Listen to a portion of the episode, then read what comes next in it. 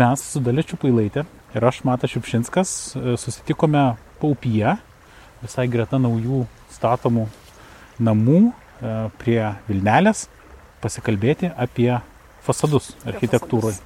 Kodėl mes susirinkom, dalė turbūt žino geriau ir gal gali pasakyti. Tai gal viskas beklausant išaiškės.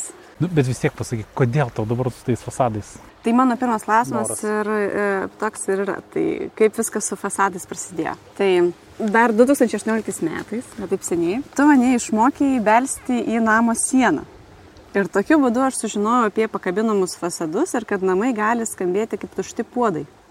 Tai apie tai aš noriu pasikalbėti, nes nuo to laiko mane um, ir neramino klausimas apie šiuos namus arba apie tokius namus ir kiek tai yra tikri ar netikri namai ir koks yra tokių namų poveikis miestui ir mūsų tam kasdieniam aplinkos patyrimui. Gerai, tai keliauju tada prie klausimų. Kalbamės apie tuos namus e, skambančius kaip tušti puodai ir kaip mes galėtume juos e, žiūrėti. Tai sėkė minėjai, kad e, klientas suabejojo tokią namų statybos technologiją ir pasakė, kad nenori gyventi kartoninėme name. Tai kaip manai, kas kelia tokią reakciją ir kiek iš tikrųjų kartoninis yra toksai namas? Buvo toks atvejis, kad tiesiog vieni užsakovai supratė, iš ko bus pastato išorinės sienos pasipiktino, nes jie įsivaizdavo, kad tikro namo ten nebuvo gyvenamasis namas, nenuosavas koks nors namas, didesnis projektas. Tai jie nustebo, kad tos sienos iš tikrųjų nėra iš mūro arba ten betono ir kad e, iš tikrųjų jie sudaro metalinis karkasas, e, gipso kartono, tarkim, plokštės, apšiltinimui vata ir pakabinamas arba koks nors kitas fasadas. Ir jiem tai atrodė kažkaip nepriimtina, nesolidu ir iš vis prieš prigimti fasadą kažkodėl, nes kaip čia aš dabar sėdėsiu ir kas norės galės tą fasadą vos nekumščiu pramušti ir čia į tą mano erdvę įsibrauti.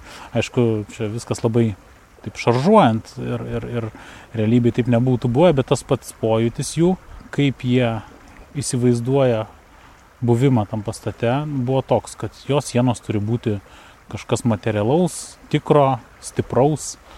E, ir tada teko keisti patį projektą.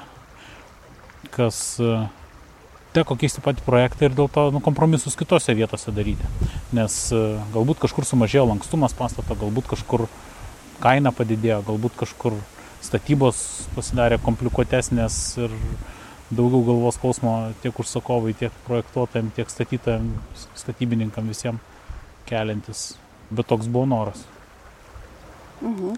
Tai čia tokie technologiniai klausimai, prie jų aš perėsiu dar toliau, nes tai yra tikrai labai įdomu ir svarbu, nes tokiam sąlygom dabar gyvenam ir tokios yra namų statymo technologijos, ar ne? Ir, ir čia, kai kas nors vis pamėgina paklausti, ką turi ten visuomenė suprasti apie architektūrą ir panašiai, tai čia vienas turbūt yra iš tų svarbių dalykų, kad uh, Tai mums reikia nusuprasti ir žinoti, kokios tos technologijos yra, nes neturim patys to namo pasistatyti, nors kartais gal ir galim, tačiau mes, e, tai, kad mes suprasim, kaip jisai veikia, nu, padės mums ramiau į tą namą galbūt reaguoti.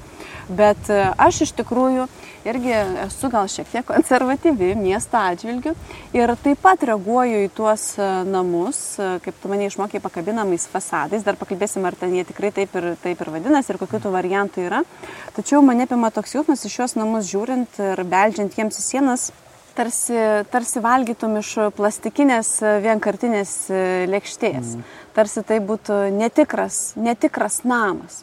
O tas namas, kurį minėjai, mūrinis, iš plytų, iš, iš akmens namas, kad ir iš betono jis atrodo tikras, o šitas namas atrodo netikras. Vat ką manai apie, apie va, tą mm. tokį netikro namo patyrimą? Pirmas dalykas techninis, tai kai barška fasadas, tai nebūtinai jisai pakabinamas, gali būti ir nepakabinamas fasadas, bet tiesiog apšiltinimas ir tinkas ir nėra sunkios kažkokios medžiagos, kuri duotų masę e, tam išoriniam sluoksniui visam fasado. Tai, tai jo, ne tik pakabinami fasadai barška, o ką manau, kaip čia žmonės vis tiek turi kažkokį tą įsivaizdavimą apie tai, kas yra namas, kas yra statybos, iš to, ką mato aplinkui. Tai tarkim, jeigu tu esi užaugęs ten name, kuris statytas, tarkim, 60-70-ais, tai jame buvo naudojamos vienokios technologijos, jeigu ten prieš šimtą metų kitokios šiek tiek ir tu pagal tai, ką esi matęs laukdamas ir kokioje aplinkoje buvęs, įsivaizduoji, projektuoji tai į ateitį, kad taip visą laiką yra, bus ir, ir, ir tai yra kažkokia konstanta, nekintanti. Tai, bet, nu, realiai tos technologijos statybų keičiasi nuolatos. Ir žmonės tiesiog psichologiškai nebūna su to susidūrę ir gal dėl to jiem tas kartais e, disonansas kyla toks galvoje. Bet ar, ar, ar tai plas, valgymas iš plastikinių indų, aš nu, nemanau. Tai žinai, e, aišku, yra kas nori visą laiką vaikščioti, tarkim, su e, drabužiais, kurie yra iš natūralių medžiagų, ten medvilnės ir jokios sintetikos, nu, bet realiai patogumas ir, ir kaina ir daug kitų, ten, tarkim, privalumų pragmatinių nugali dažnai ir, ir kiek mūsų procentų žmonių aplinkui vaikšto visiškai ten e, natūralių medžiagų organiškais drabužiais apsirengę. Nu, nė, nėra jų daug, ten labiau išimtis iš taisyklės, nes tiesiog tas yra, šiai dienai tokia yra technologija, taip yra atsakoma į tam tikras e, problemas ir klausimus, kuriuos turi pirkėjai, tarkim. Ir, ir, ir nu, mes tiesiog nenorim to komforto aukoti, vardant kažkokio įsitikinimo, kuris iš praeities atėjo.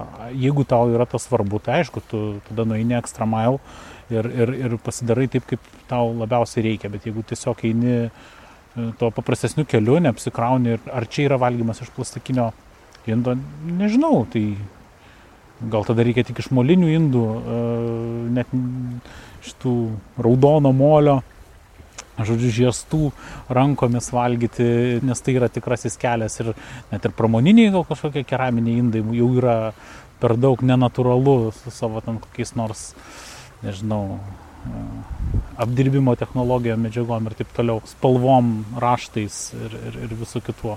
Kur ta riba iš esmės?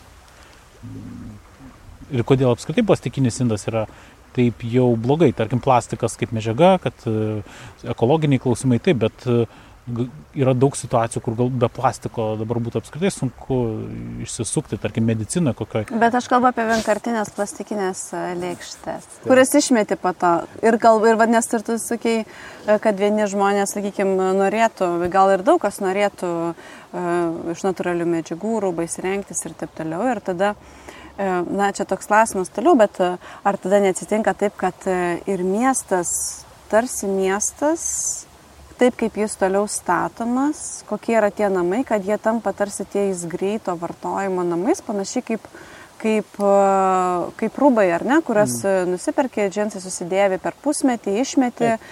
ir tada, reiškia, ir tą namą atitinkamai reikia keistis, e, greuti ir panašiai. Nu yra to, bet, žinai, vienkartiniai indai yra popieriniai yra plastikiniai. Ne? Tai tarkim, su plastikiniais tau labiau širdį graužia, su popieriniais mažiau. Bet kai tau reikia daikto čia ir dabar, tarkim, tai tau tas popierinis vienkartinis e, kažkoks indas pasitarnauja ir tu, tu džiaugiesi, kad jisai yra. Tarkim, tu, turbūt, kai, kai gali ir kai situacija ir jos svarba leidžia, turbūt rink, rinktumės ne popierinį, bet yra situacijų, kada, kada to reikia. Bet net ir tie nepopieriniai dabartiniai indai mūsų tai santykis su jais irgi yra pasikeitęs. Juk neturim servizų, kuriuos iš kartos į kartą perdodam ir jie yra toks nu, šeimos turtas. Čia beje yra labai jautri tema. Servizas yra tokia mane labai dominanti tema. Nu, pavyzdžiui, vat, mano mamai yra ypatingai servizas, vat, kaip, kas kas įsivaizduoja servizą, ar ne? Mm. Tai mhm. vat, mano mamai tai yra tradicija, šeima, testinumas. Taip. Man tai yra toksai kažkoks, pe, pe, nu, gal ir daugam, ar ne, mes dabar nebepasikviečiam taip žmonių į svečius, kur ištrauktume tą 12 su ledainiam, servizą ir padažiniam ir taip toliau, bet gal tada tai rodo, kad ir nuo mūsų požiūris į miestą, kalbant apie miesto testinumą laikę ir jo patyrimą, kad jis nebėra testinumas perdavimas, kokybės kūrimas, o jisai yra toks e, įsigijimas e, plastikinių indų kompleksų, suvartojimą, išmetam, nugriaunam namus, pastatom juos iš naujo. Tai iš dalies taip, bet vat, su tuo servizu taip ir yra, kad kažkam atrodė, kad tai yra nu, tas toks ženklas, ne, šeimos, namų ir, ir, ir kad tai yra kažkas, ką turi saugot. Tarkim, tau turbūt dabar atrodo kaip kažkoks perteklinis daiktas, kuris labiau tave apkrauna ir tave riboja negu išlaisvina. Ir jau, tarkim, šiandien tu jo taip nenori, kaip, tarkim, galbūt tavo mama norėjo. Tai nukeičiasi tas požiūris į daiktus ir tau šiandien turbūt labiau yra svarbu turėti galimybę komfortiškai, patogiai, tarkim, pavalgyti tada, kada nori, taip kaip tu nori, žodžiu, ir e, nebūtinai galbūt visą laiką tas servizas tau yra būtent tas daiktas, kuris e, atsakysi tuos visus klausimus. Tai galbūt tau šiais metais norisi vienai, bet po dešimties metų tavo supratimas, poreikiai dar kažkas pasikeis ir tu norėsi kitokio servizo.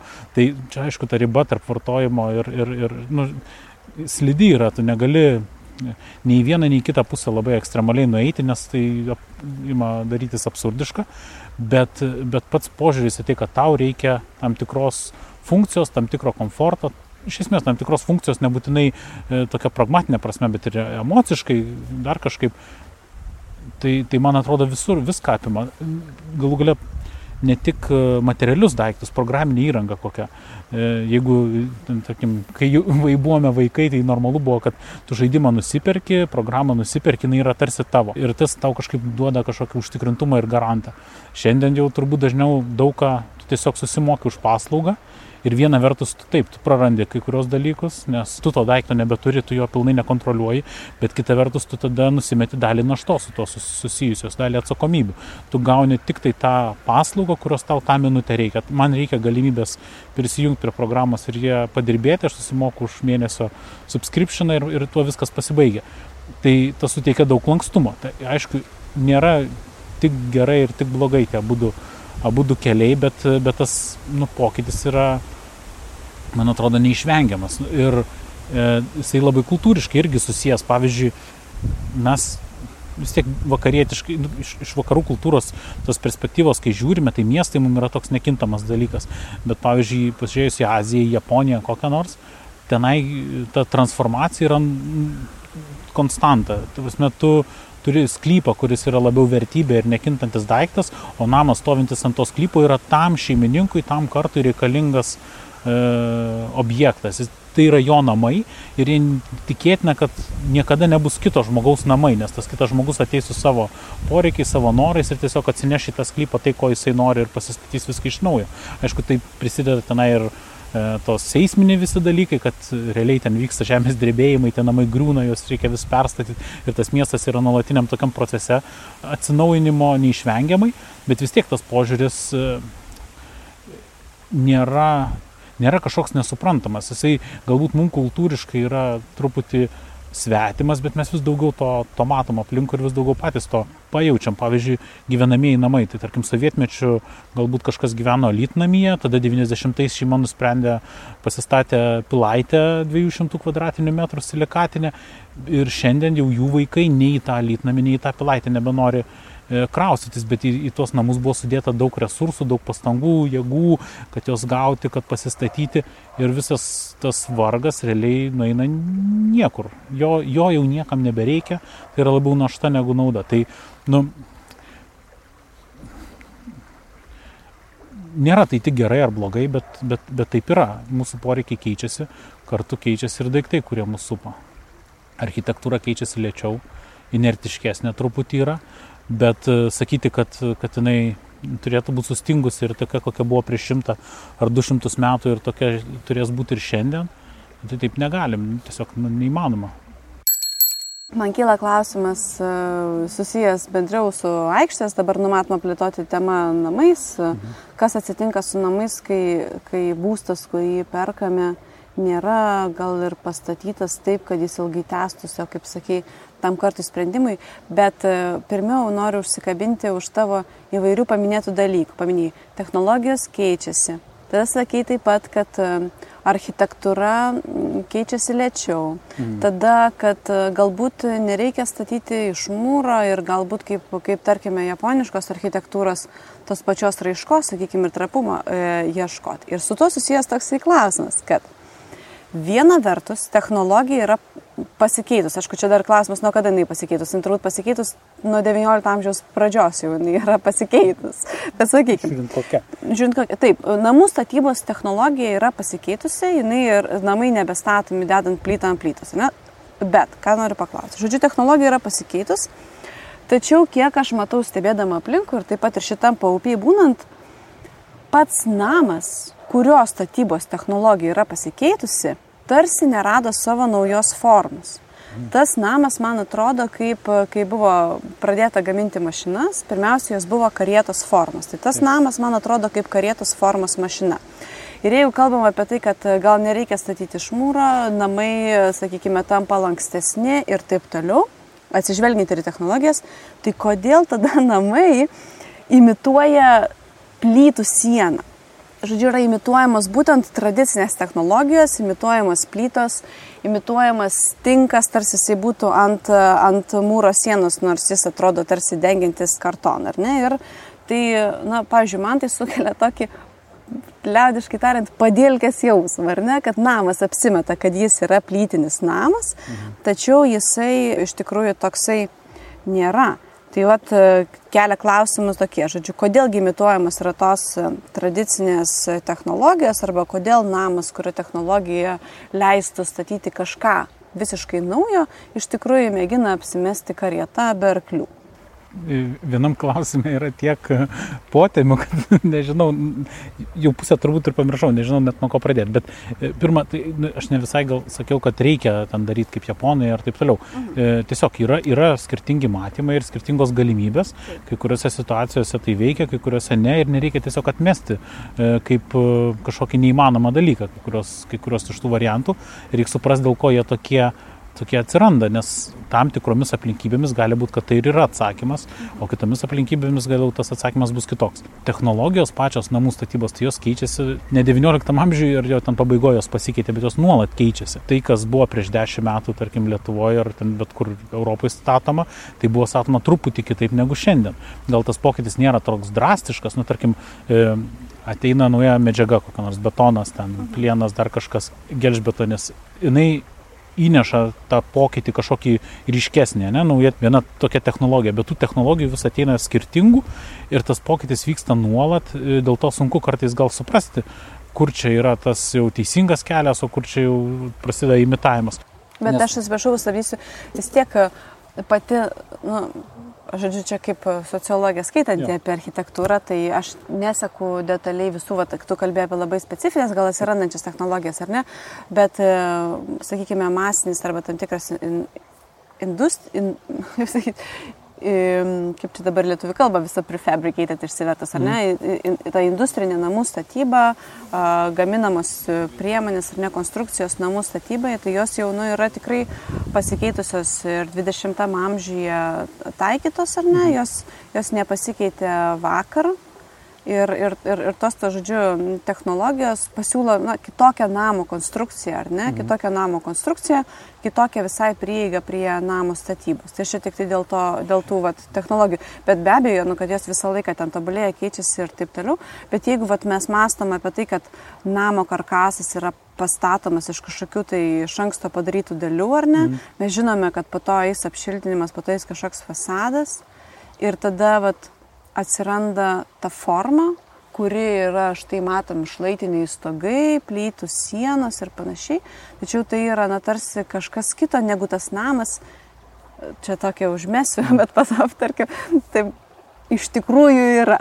Žodžiu, čia tokie, tokie momentai. Jo, tai čia tas... Konstru... Jo konstrukcija ir jo estetinė raiška atsikabina tarpusavį. Čia tas pagrindinis klausimas tarp tų visų lėrių, kurie buvo į tai. kiti sutalpinti. Tai Iš dalies taip, bet, nu, estetinė raiška, tarkim, modernistai, ateina kažkas su kažkokiu drąsiu statementu, pareiškimu ir sako, kad vat, nuo šiol architektūra bus e, e, plokšti stogai, baltos dėžutės, tarkim, ten e, langų juostos pailgos ir visa kita. Ir taip, tai tarsi iš dalies sako, kad kad tai yra padiktuota naujų technologijų, funkcijos ir, ir, ir visų šitų dalykų. Ir taip va, ta turėtų architektūra atrodyti, jeigu jinai yra moraliai kažkaip teisinga ir atliepia tą tikrąjį savo konstruktyvą, tą visą, kaip jinai suresta. Kita vertus, nėra ten viskas taip, taip pukuota ir, ir tame irgi yra tokio spekulacijos, pritempinėjimo, šiek tiek meninio ir bandymo labiau parodyti modernumą ir technologiškumą, negu jis galbūt iš tikrųjų yra, tarkim, ten 20 amžiaus pradžioje kokiam nors pastate viloj kokiai panaudota.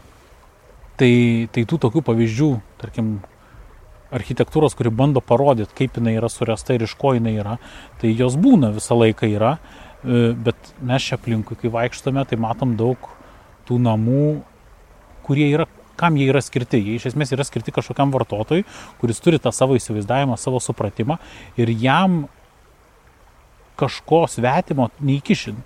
Vis tiek tas galutinis rezultatas turi atliepti kažkiek jo įsivaizdavimą, nes jisai galų galę tenai gyvens ir pirks. Ir nepaisant to, kokia technologija viskas suresta, jisai turi perskaityti tą daiktą ir, ir jo norėti. Ne? Nu, taip labai pragmatiškai žiūrint, jeigu iš, iš tokio verslo vystytojų, tarkim, perspektyvos. Tai kam jiem bandyti tikinti žmogų, kad jisai turi gyventi kažkokiai mašinoj, tarkim, kam jiem tas vargas. Architektui, kad jis nori sukurti kažką tikrai įdomaus, tokio parodančio šį laikmetį ir taip toliau, tai yra suprantama. Bet kaip čia, naivu tikėtis, kad tik architektas lemia galutinį rezultatą. Nu, vis tiek lemia užduotis, kurie jam iškeliama, užsakovas, tas, kas finansuoja tas statybas, tu negali vienas pats savo nuspręsti, kad aš dabar darysiu tik tokią architektūrą, kuri vat, deklaruoja savo konstruktyvą. Ir klausimas, kam tau iš tikrųjų kartais reikia tą deklaruoti. Nu taip, jeigu tu, tarkim, esi modernistas koks nors, tu, tavo e, agenda yra tokia, kad e, taip to disonanso tokio neturi būti, tai tu tokią architektūrą tą gryną puristinę kažkokią ir bandysi daryti. Bet jeigu tavo požiūris šiek tiek kitoks. Pavyzdžiui, konstrukcijos pačio to pastato atlieka tam tikrą funkciją tokią materialę, ne, jos laiko sienas, laiko stogą ir taip toliau, bet tas namas ne tik pašiūrė nuo išorinio pasaulio apsauganti, jinai yra ir kažkokių tai vizijų, norų, gyvenimo būdo e, išraiška.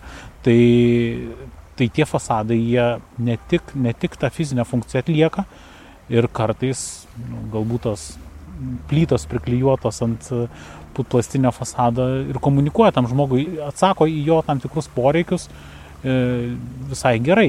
Ir ar tai yra taip jau šimtų procentų blogai? Aš nežinau, nebūtinai. Ar galim nuspręsti, kad e, imitacinės architektūros iš vis neturėtų būti. Nu, tarkim, man jos nesinorėtų, aš gal tokios nenorėčiau daryti, bet e, kai pamatai kažkur drastišką kažkokį vat, variantą, jisai visai tau kažką pasako apie tą laikmetį, apie tos žmonės, kurie kūrė, autorių to, to, to pastato. Tai tu meni imitacinis ar neimitacinis? Imitacinis. Kas aš toks, žinai, kad nuspręšiau, jog e, visa architektūra turi būti va tokia, kokios aš noriu, žinai. Mhm. Nu, tai toks yra tos eklektikos. Kitas dalykas, kur ta riba irgi. Tai, kad tu turi, tarkim, pakankamai uh, šio laikišką pastatą, kuris yra kokybiškai suprojektuotas, gerų proporcijų, gražių fasadų ir taip toliau. Ir jame yra to šiek tiek saldumo, ne kažkokio žaidimo su, su citatomis iš praeities, ant kažkur va, gal plytinį e, fragmentą įdėjo, gal kažkur kokį nors medį, jo balkonėlį, nors, nors realiai technologiškai gal to medžio tau ten ir nebūtina buvo naudoti. Tai, tai čia vienas dalykas, kitas jau ekstremumas, kad tu visiškai nueini į tą e, Disneylandą, kada darai kažkokią pilaitę, kuri nei, nu, yra nuo pradžios iki galo vienas melas, žinai. Tai, tai, tai čia jau kitas ekstremumas ir, ir, ir, ir ne pats geriausias. Bet kur ta riba, žinai, kada tu, kuri, kuris čia kelias yra mm, teisingiausias, kur rasti tą, tą vidurkį, žinai, tarp visiško Disneylando ir visiškos kažkokios E, industrinės, kažkokios pramoninės tos architektūros. Nu, įvairių objektų reikia, įvairios architektūros reikia, jinai atranda savo kažkokį naudotoją, jeigu jinai veikia, nu, kind of ok. Bet tu vadini, jeigu, jeigu būtų tarp konstrukcijos ir estetikos ryšys, mhm. tokios konstrukcijos, kokia yra dabar, Tai ką girdžiu, kad tu sakai, kad tai būtų industrinė pramoninė architektūra? Nu, nebūtinai, bet tiesiog, kad jinai... Tai nu, ar gali tai būti ne industrinė, ne pramoninė architektūra? Ar gali rasti savo, savo Žodžiu, mano aišku klausimas yra, ar gali rasti savo estetiką. Čia yra mano toks pagrindinis klausimas, bet aš dar prieš tai bet... grįšiu prie to, ką tu pasakėjai. Tai vat, apie estetiką noriu pasakyti. Apie estetiką, sustokim ties estetiką, grįšim prie estetikos. estetika, estetika būtent tas yra svarbiausias klausimas, kuris, kuris man ir kyla. Na? Mhm. Tai gerai, galim pratesti apie estetiką, nes tas pagrindinis klausimas, kuris man kyla ir kur, kur aš norėjau privesti atsargiai per kitus klausimus, yra, ar gali, ar, ar, ar gali rasti šitą konstrukciją, savo autentišką estetiką, nemėgindama pamėgdžioti kažkokių praeitų amžių variantų. Tai gali ir kiek jinai pamėgdžia. Tai jeigu yra plytų fasadas, tai ar jūs įmėgdžioja? Vien dėl to, kad jis yra plytinis? Aš manau, kad jeigu jis netikras fasadas, ta prasme, jeigu, jis, jeigu tai nėra nešančias sienas ir jeigu tai yra ant putplaščio priklijuotas plytas, tai jis tikrai mėgdžia. Jis apsi... Kodėl jo panaudotas plytas, ar ne, tu kaip man sakai, gali plakatą su mišku, iš tikrųjų gali bet ką, ar ne, bet pasirinkti plytas, nu, dėl tos pačios plytos konotacijos, ar ne, mm. ir, ir dėl to, kad namai buvo statomi iš plytų, bet jis nėra pasakytas iš plytų. Tai tai Na, tai Bet ir jis estetika mėgdžiais, jo estetika gali būti nu, visiškai neapeliuojant į kažkokią praeities architektūrą, tiesiog turėti tą plytos medžiagą kaip, kaip, kaip materiją. Nu, ir, ir, ir tas irgi, aš manau, kad, tarkim, čia vat Vilnelės vienoje pusėje žiūrint, yra vienoks pastatas ir ten, ten iš tikrųjų gal kažką labai smarkiai mėgdžia, bet va čia kitoj pusėje paupyje visam matosi nu, tie plytiniai fasadai, bet jie tikrai nemėgdžia. Aš tai sakyčiau, kad jie mėgdžia tokią mažą, mažą miestelio, galbūt ne Lietuvos, bet mažo miestelio estetiką. Tai yra mažas gadytės, keliaukščiai namukai, išlaitiniai, plytiniai, tai labai bet... tokia tam tikra įsivaizduojama mažą miestelį jie kūrė. Bet tai kokį, kokį kitą žinai, tu turi priimti kažkokį sprendimą. Mhm. Kad ir kokiu keliu nueisi, bus tų asociacijų su kažkuo. Tu tiesiog tai vietai pasirinki tokį kelią, kuris tau atrodo tam kontekste, šitam laikotarpyje galbūt tinkamiausias.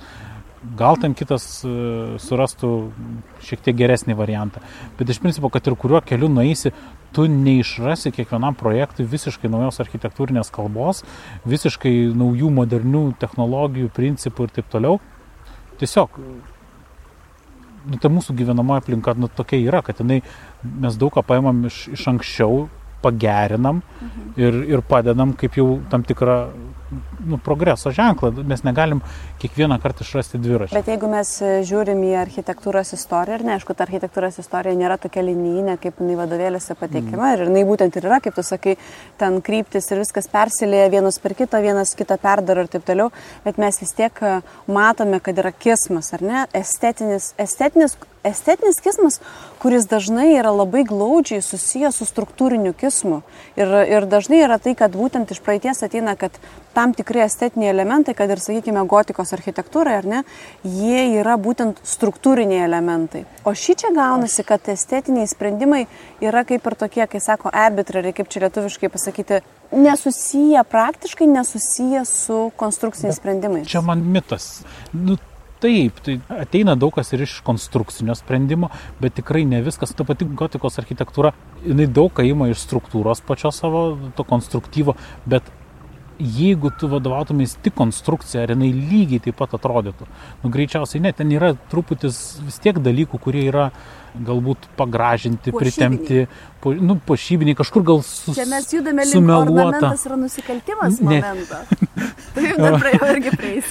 Drastiškai net, net ne, ne iki ornamento atėjus, bet tiesiog tu kartais truputį galbūt kažką sufeikini dėl galutinio rezultato. Žinai, gali būti teisus, bet nuo to tavo architektūra nebus geresnė kai kuriuose gal vietose.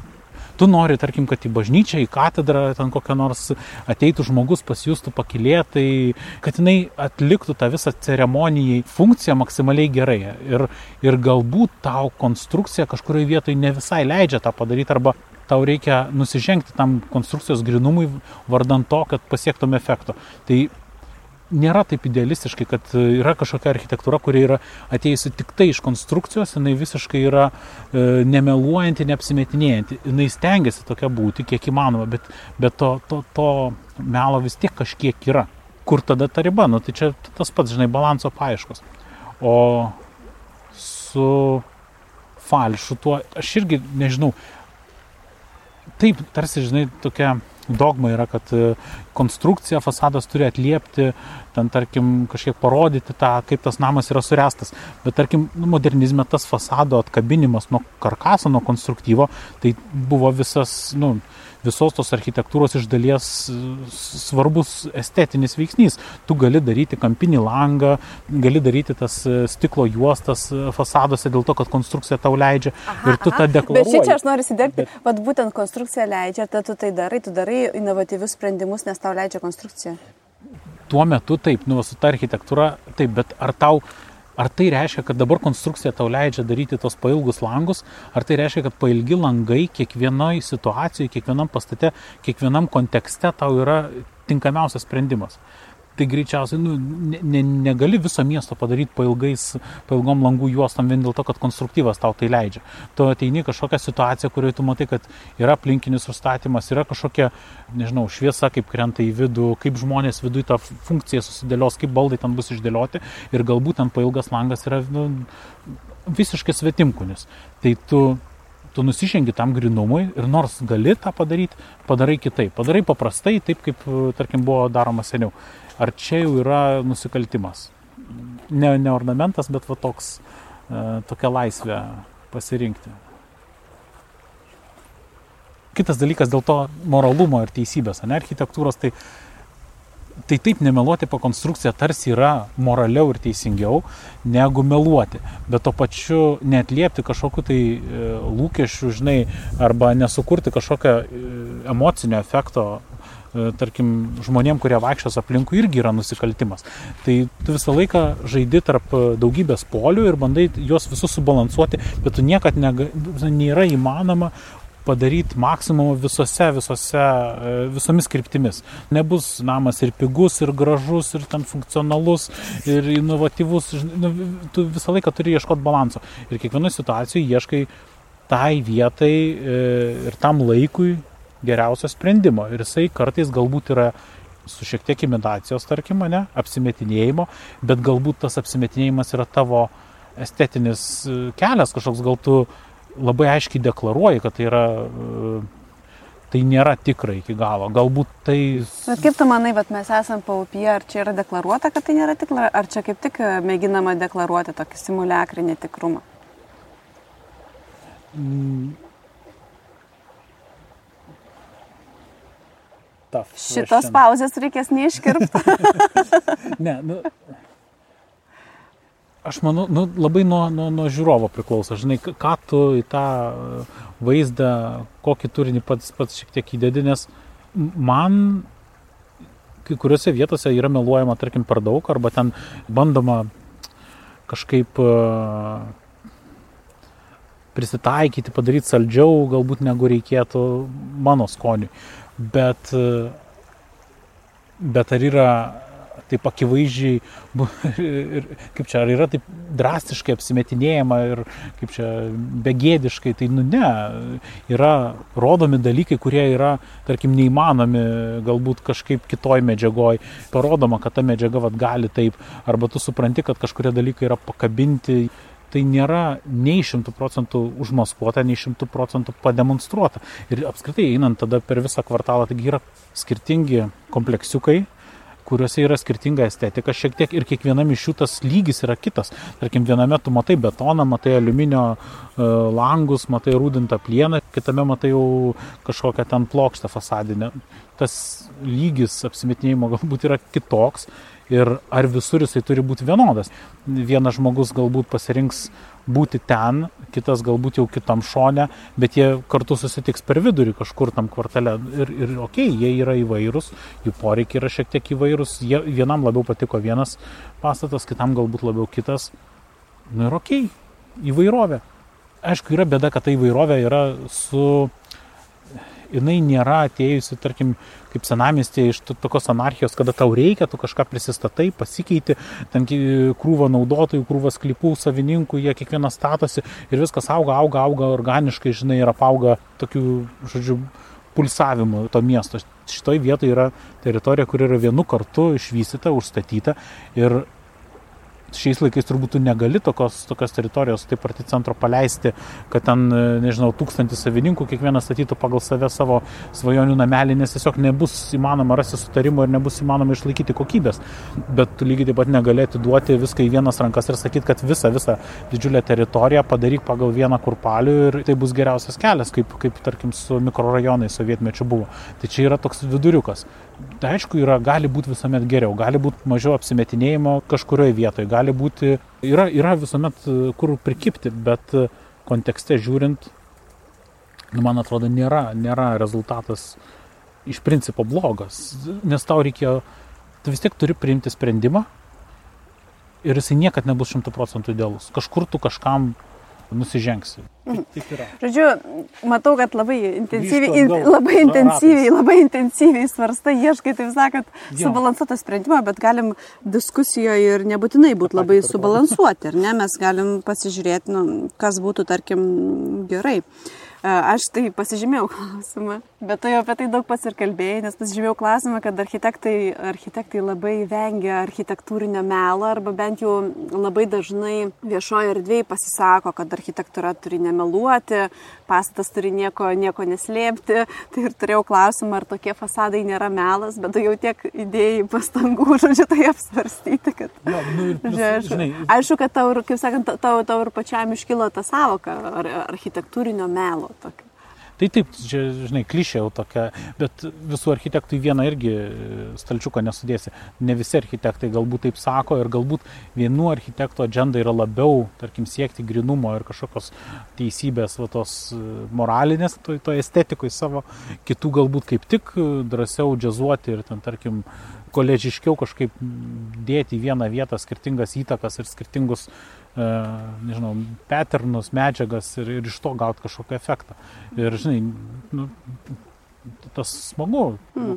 Nu, aš asmeniškai manau, kad tiek, tiek vienas, tiek kitas tavo paminėtas variantas būtų geri variantai. Kas man asmeniškai kelia klausimų, tai tokie namai, kurie e, nei mėgina, nei mėgina būti taip, kaip tu sakė, ar ne, tą rodyti architektūrinę tiesą ir, ir, ir, ir ieškoti, ką pati ta konstrukcija siūlo, nei mėgina žaisti vairiausiamis formomis, kurdami kažkokį naują variantą, bet vietoj to kūrė tokį tokią saugią namo imitaciją, kuri man kelia tą tokį būtent plastikinės lėkštės, netikro namo ir tokio, tokio nejaukumo jausmo, kad man, man bando kaip už gerą daiktą kažką pasiūlyti kitą. Taip, Bet aš noriu tavęs paklausti toliau. Noriu paklausti tavęs, o gal tu žinai kokių pavyzdžių, kur būtent būtų rasta technologija ją atitinkanti išraiška. Tai yra, pavadinkim tai estetiniu sprendimu, ar ne? Mm. Kur namai nei apsimeta mūriniais, nei tinkuotais, nei statytais iš akmens, bet būtent jų konstrukcija, jų forma, jų statybos technologija yra integrali tam, kokia yra jų raiška. Ir tai nebūtinai turi būti tik tai kažkokia, kaip sakai, pramoninė architektūra. Gal yra kažkokių dar variantų? Neturiu galvoj jokio, jokio varianto, bet nu, kokia nors naivioji. Tu beje man rodai kažkokį tai pavyzdį belgų. Ai, fasado jo. Bet jisai, nu, jisai nemeluoja. Aš irgi nepasakyčiau. Jisai, jisai smagus, kad jis demonstruoja, dabar nepamenu, kur Briugėje ar kuriam ten miestelėje jisai buvo. Tenai tu matai blokelius, iš kurių sumūryta siena, matai vitriną kažkur, matai, nežinau, kažkokias duris įstatytas į tą vitriną. Daug demonstruojama dalykų, kaip tas daiktas atsirado. Bet e, jeigu tu žiūrėtum tik tai, tarkim, kažkokius pragmatinius dalykus, tai tas fasadas galbūt neturėjo toks būti. Ten ir- irgi yra e, spalvų tirštinimo šiek tiek. Noro parodyti, pademonstruoti dar labiau savo tą, tą grinumą ir tikrumą. Galbūt rasti tą raišką, nes kad, kadangi tos raiškos tarsi panašu nelabai yra rasta.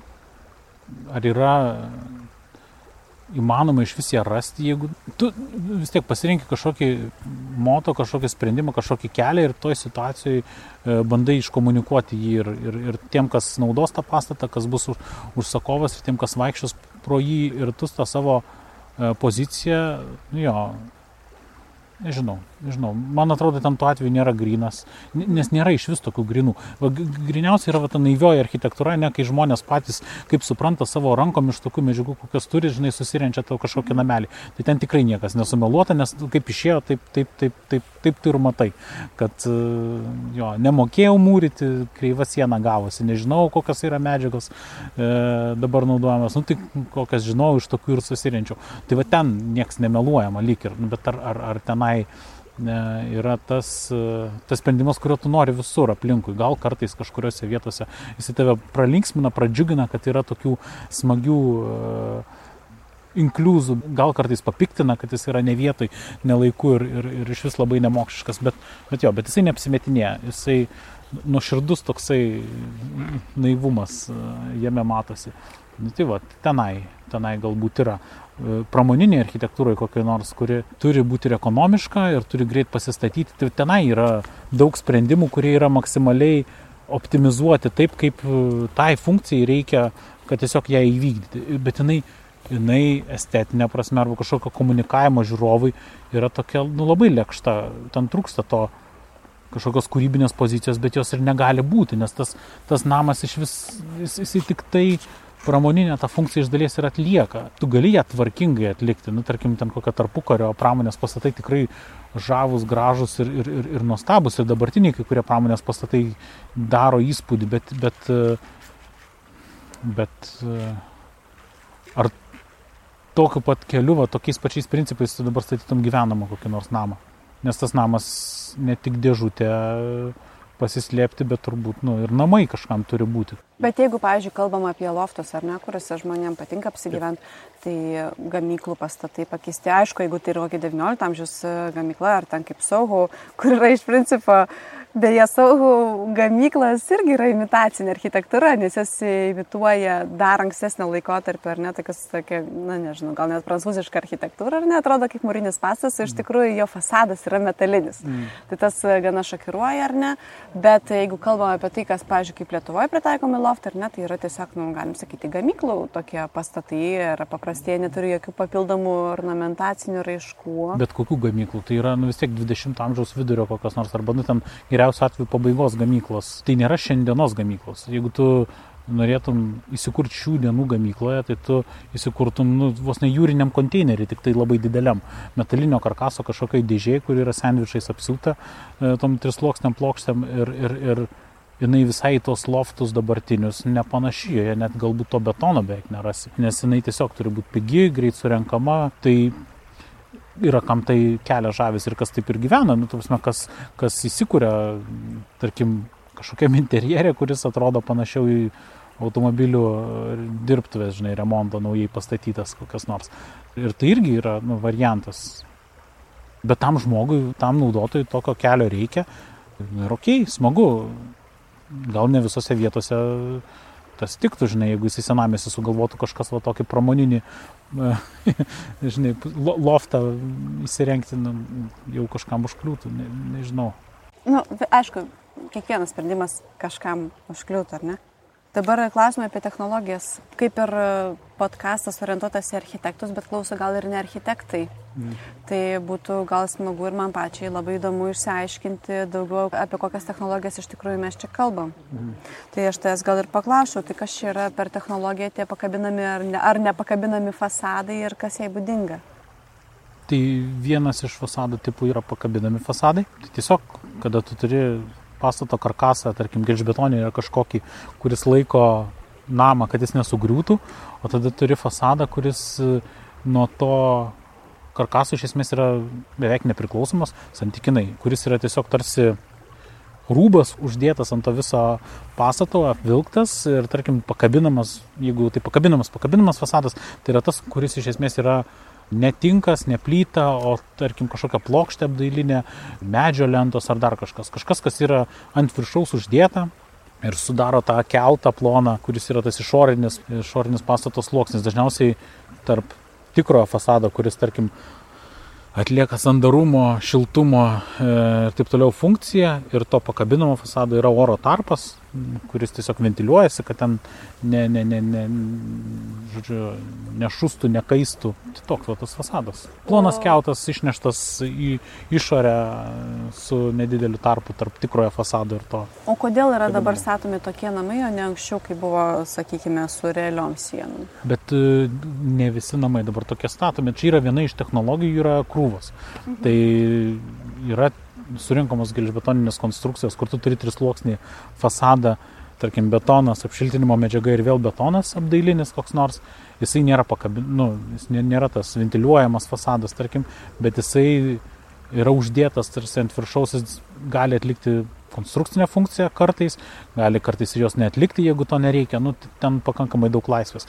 Yra fasadai, kada tu turi kažkokią konstrukciją, kuri laiko pastatą, tada turi mūrinę, nu ne mūrinę, bet tarkim blokelių sieną, kuri nelaiko pačio pastato, bet jin laiko pati save ir laiko ant savęs uždėtą apšiltinimo medžiagą. Tai jau tai nėra pakabinamas, tarkim, fasadas, jis yra sumūrytas irgi, tai sakytum, va čia senosios technologijos iš dalies, bet ir tas mūras kitas, ir tas medžiagos yra kitas, e, tada turi apšiltinimo ant jos sluoksnį, kurios senose senamišio pastatuose ne, nebuvo, tarkim, ir tada ant to apšiltinimo sluoksnio turi kažkokią apdailą, tai ta apdaila gali būti pakabinama, gali būti tinkas, kuris yra tiesiog užklojamas ant viršaus šlapių būdu. Tai tų technologijų yra krūvos. Jos kiekvienoje situacijoje gali būti pasirinkamas ta, kuri ta, ta, ten yra optimaliausia. Yra galų gale vitrininės sistemos, tai tai visi stikloidai žmonės vadina, ne, visi dangoraižių pastatai yra vitrinė kažkokia sistema, kada turi gelžbetonio karkasą ir tada turi aliuminio stiklo konstrukciją, kuri yra apviniota aplink visą tą pastatą.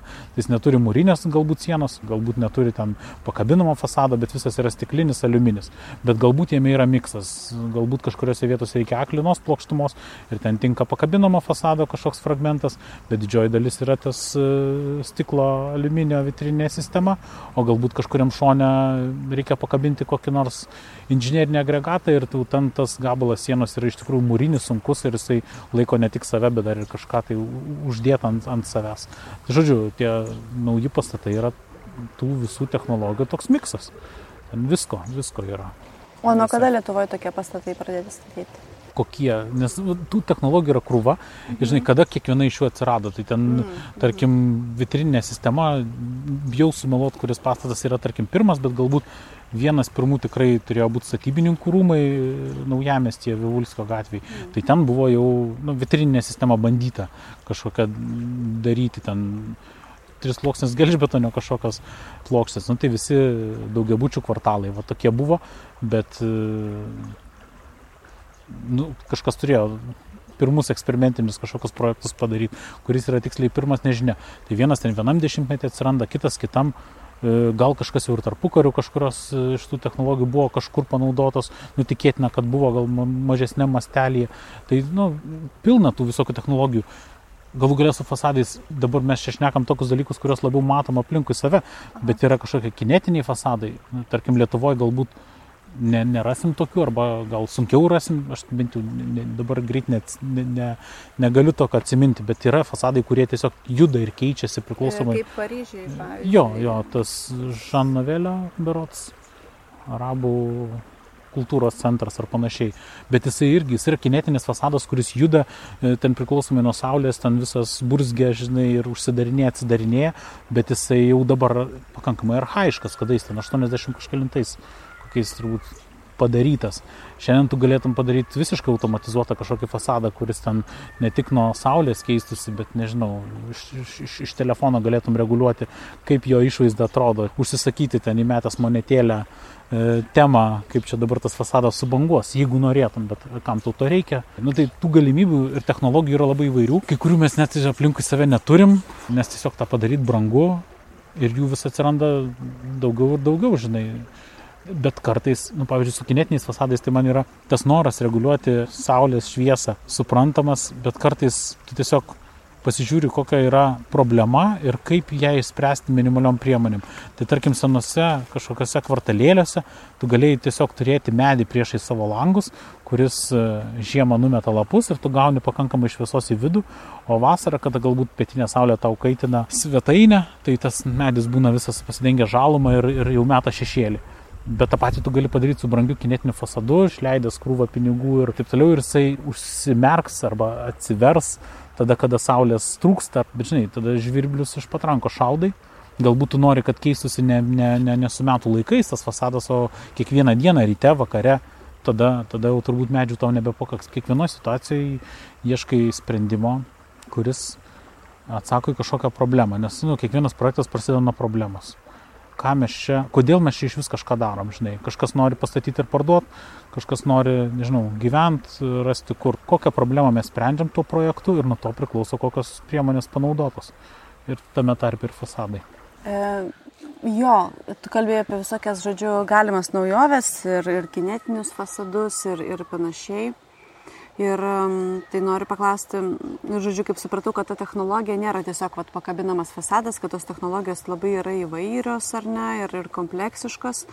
Ir ta mano klausimas toks, kiek svarbu, sakykime, jeigu kalbame apie patį medžiagiškumą fasadų, gal kokios yra galimybės tos medžiagos fasade ir kaip jos keičia, sakykime, praeivio patyrimą. Kodėl klausiu?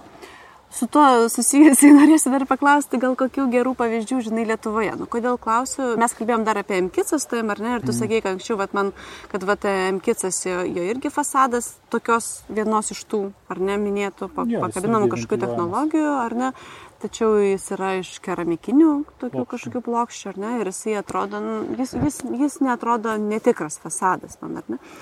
Tai vat, vat, įdomu, gal tai yra problema ne ne tik pačios tos technologijos, bet gal, sakykime, ir to fasado medžiagos parinkimo, nes tai, ką aš pastebiu Lietuvoje ar ką pastebiu Vilniui vaikščiodama ir pabeldžiu visi tas sienas praeidama, tai arba tai būna tas plytas imitavimas ir kartais jisai būna toks gana kokybiškas, kaip tu sakai tenai, kad ten net visa plyta ar pusė plytos, o kartais tai yra tos plytelės, kurios dar ir nubyra ar neplanytės. E, arba tai yra toks tinko, tinka, bet štai pavyzdžiui, Antakalnyje ties Šilo tiltu, ten stovėjo toks medinis nedidelis namelis vienas iš to užsilikusio Vilniaus ir jis buvo nukriautas ir vietoj jo dabar pastatys ofisų ir būstų pastatas. Na ir tiesiog aš gyvendama šalia visą laiką stebėjau, kaip jis keitėsi, kaip, jį, kaip pastatė konstrukciją, kaip uždėjo tas šiltinimas medžiagas, kaip tada vėl kažkuo jį uždengė ir kaip galiausiai jį ar tai uždengė, ar nudažė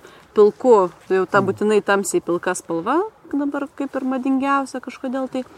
Ir bet štai jis, jis atrodo tarsi toksai vat, tinkuotas pastatas. Ir tas tinkas man sukelia tą atmetimo reakciją, kad jisai, žodžiu, žodžiu jisai netikras. Tačiau, vat, savaitgalį vaikščiodama vaikščiodama Varšuvoje atkreipiau dėmesį, vienas buvo valstybinių pastatų, dar pasižymėjau, koks, kuris buvo, kuris buvo dengtas tarsi akmens mm. kažkokiam tai plokštėm. Ir dar aptariam su vyru, kuris, žodžiu, taip jį veikia labai tie pastatai, kaip netikri pastatai ir taip toliau, kad štai jo tas pastatas e, neturi tokio poveikio, tarsi jisai būtų netikras pastatas. Mm. Tai vad įdomu, gal tai yra problema ne tik to fasado kažkokio buvimo pakabinto ar nepakabinto, bet e, tai ja. iš kokia medžiaga yra tame fasade. Ir medžiaga, ir kokybė realizavimo viso ir, ir projektavimo, net turbūt. Tai, nu jo, visiškai pakabintas kažkokios miltainio plokščių fasadas. Kur, jo, greičiausiai. Tai aišku, kad meistriškumo e, klausimas iš dalies tai yra, ką tu su kiekviena medžiaga ir technologija padarysi, priklauso ir nuo autorius, ir nuo statybininko, ir nuo užsakovo, ar jisai, tarkim, už tą medžiagą yra linkęs susimokėti, ar už kažkokią detalę ir jo sudėtingesnį sprendimą. Tai, tai taip, tu gali gerai padaryti su įvairiais visais variantais. Gali ne, ne vietoj pasirinkti tą variantą. Kodėl dažnai yra tas pats, na, tarkim, tinkas, plyta, nėra tiek daug tų variantų, tu vis tiek atsiriemi kažkokias lubas, bet vienas yra lubos apskritai medžiagų, kurios yra tau prieinamos, galbūt tu ten gali užsisakyti iš kito pasaulio galo kažką egzotiškesnę, bet tada prasideda finansiniai dalykai, ar tai iš vis adekvatu šitoj vietoj kažką plukdintis šimtus ten. Bet aš, jeigu galima įsiterpsiu, e, galbūt esi pastebėjęs Gedimino prospekte, Vilniuje judant link e, Seimo nuo Lukiškio mhm. aikštės yra įtarptas e, naujas namas. Ir tas namas na, bando susišaukti su aplinkiniais namais ir jo fasadas tikrai yra dengtas akmeniu. Ir aš nežinau, ar čia yra tokia, sakykime, toks architektūrinis teiginys ir šūkis, bet visas tas akmuo atrodo vos ant jo besilaikantis, tarsi ir tu matai, kad jis vos ne ore, taip sakant, mm. plaukia. Tai ta medžiaga, bent iš šono man pažiūrėjus, ar ne, neišmanant, ne atrodo labai brangi medžiaga. Mm. Bet taip kaip jinai sudėta, tai atrodo, kad, net nežinau kaip čia geriau pasakyti. Ta prasme, absoliučiai nesiriša su tuo namu tas fasadas. Jis atrodo vos ant jo besilaikantis. Taip, bet galbūt toks sumanimas buvo, aš ne, nežinau apie kurį čia tiksliai. Bet, e, nu taip, žmonės klišėmis vis tiek galvoja, kad akmuo brangu, plyta irgi brangu, bet gal biški mažiau, tinkas pigiausia ir dažnai tas galbūt ir yra tiesa, bet nebūtinai. Tarkim, kažkoks kiniško akmens plonos plokštelės fasadas galbūt yra pigesnis negu... negu... Koks brangus tinkas rankų darbo. Taip, taip, taip, tu nežinai iki galo, jeigu tu į tas technologijas nesigilini. Tau emociškai galbūt iš pirmo žvilgsnio pasirodo, kad ta, čia akmeninis namas, jis tikrai jau solidus, rimtas, bet tu prieini arčiau, pamatai detalės, pamatai istoriją, galbūt pačios medžiagos pajūti ir tada tau visa ta, ta iliuzija, žinai, subliūkšta. Tai taip, tų variantų ir medžiagų yra ribotas vis tiek kiekis, tu turi medį, tu turi keramiką, turi akmenį, turi metalą, stiklą, žinai, gal atsiras, atsiranda, tarkim, plastikas, kažkokia sintetika. Irgi, nu, tai normalu, jinai galbūt irgi imituoja kartais kokią nors ten medžio arba kito tauresnio, tauresnio daikto piešinį, žinai. Taip. Kodėl architektam, tarkim, patinka medis arba ten plyta kokia, tai tu žiūri vienas dalykas, ką jis komunikuoja žmogui, ne, nu, tarkim, prie medinio fasado, tu jautiesi truputį kitaip negu prie mūrinio, ne, prie vieno labiau nori prisiglausti. Prie jų gal abiejų norisi prisiglausti, nes jie būtų šilumą, šilumą ir natūralumą komunikuoja, palyginus su ten Taip, galbūt e, prisiglausti šonų nori prie abiejų, bet prisiglausti žandų tai turbūt nori tik tai prie medinio. Aš tai kai vaikštau po Vilnių ir noriu prie visų sienų prisiglausti. bet žodžiu, emociškai tas truputį kitus dalykus komunikuoja ir tavo tam sumanimui galbūt viena medžiaga tinka labiau negu kita. Kitas dalykas, kaip jinai sensta, tu nenori, kad tas projektas jį realizavus iš karto taptų kažkoks, žinai, nepatrauklus ir, ir, ir greitai savo gyvenimą pabaigti. Plastikinė lėkštė, kur reikia suvalgius e, dešrainį išmesti mes. Taip, kad jinai gražiai, oriai, žodžiu, sentų tą medžiagą. Tai kai kuriuose situacijose, tai tarkim, tu nori medinio fasado, nežinai, kad jis nužils nuo saulės, kad jis gal apibėgs, pradės juoduoti, bet jisai per laiką besendamas netrodys kažkaip falšyvai, ne? Bet jeigu tu turi projektą, kuris yra gamykla ir tu jame panaudosi medinį fasadą, tai jisai atrodys žymiai nenuoširdžiau negu kažkokia sintetinė, ten aliuminio ir, ir putų apšiltinimo trisluoksnė tiesiog plokštė. Nes, Nes turinio komunikavimas taip, vyksta. Taip, taip. Ir turinio, ir tiesiog sveiko proto racionalumo kažkokio. Tas namas atlieka tam tikrą paskirtį, tai paskirčiai to daikto nereikia. Tos, tos medžiagos arba tos papildomo žingsnio nereikia. Jis nuo to nepasidarys geresnis, kažkoks ilgamžiškesnis, patrauklesnis, malonesnis dirbti. Tai vad, nu, jo. Tai, tai bendras klausimas buvo toks, e, kad galbūt čia priklauso nuo tos fasado medžiagos, o ne nuo, o ne nuo pačios, tarkim, tos technologijos pasirinkimo, aš turiu menį pats patyrimas to pastato, kaip sakykime. Nuo visumos priklauso, nes galbūt tau tam tikroj vietoj pakabinamas akmeninis fasadas neveiks ir atrodys kažkaip falšyvai. Ir toj vietoj tau labiau veiktų užklijuotas akmeninis fasadas. Tas pats fasadas, va, kurį dabar rodys, miltainio, tai panašiai atrodyt gali ir ten koks 20 amžiaus pradžios funkcionalistinis pastatas, ten tarkim irgi smiltainio fasadais, bet jis bus nepakabinamu fasadu, jisai bus jau priklijuotų fasadu. Truputį emocijas skirsis, ne, bendras vaizdas iš toli e, bus gana panašus, Vienas iš tų variantų galbūt bus tam tikroje situacijoje sėkmingesnis, bet e, tai nėra tik tai technologijos pasirinkimas, bet ir jos išpildymo. Žinai, jeigu tu prastai užklijuosi tą medžiagą ant, ant, ant fasado, jin atrodys blogiau negu gerai pakabinta. Arba atsitiks taip, kaip atsitiko vienoje iš mūsų lankytų bibliotekų, kur nukrito gabalas fasado. Nu, bet čia kaip čia klaidos projektavimo, jeigu kažkur yra nepaskaičiuota, ar, ar, ar koks nors laikiklis, kabliukas, ar ten varštas laikys tokio svorio plokštę, nu tai taip, jinai gali nukristi.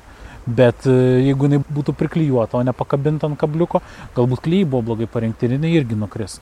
Žinai, Tu jau paminėjai laiką ir aš, mano visa kita tema yra apie laiką, bet dar, dar, dar truputį liekant prie to fasado, to estet, es, estetinio sprendimo santykio su technologija, to melo ir tiesos, mm. man, man vat, žodžiu, jo, noriu paklausyti tokį klausimą. Vat Andrius Ropalas, ne, jisai pakomentavo Marijos radio pastą Kaune, kad mm. tada, kai buvo tik tos šiltinimo danga, ar ne, ir kad tikiuosi nebus to Mm, apdailos ir štai čia bus tarsi tiesa, bet kartu ir patie, pačiam jo hashtagė buvo, kad bjaurumą tam tikra estetika. Mm. Čia aišku, čia klausimai yra du. Vienas, galbūt kryptis ir yra eiti link bjaurumo estetikos, galbūt, nesakau, mm. kad. O kitas aspektas, ar apskritai tai yra technologiškai įmanoma, ar būtina yra ta apdaila.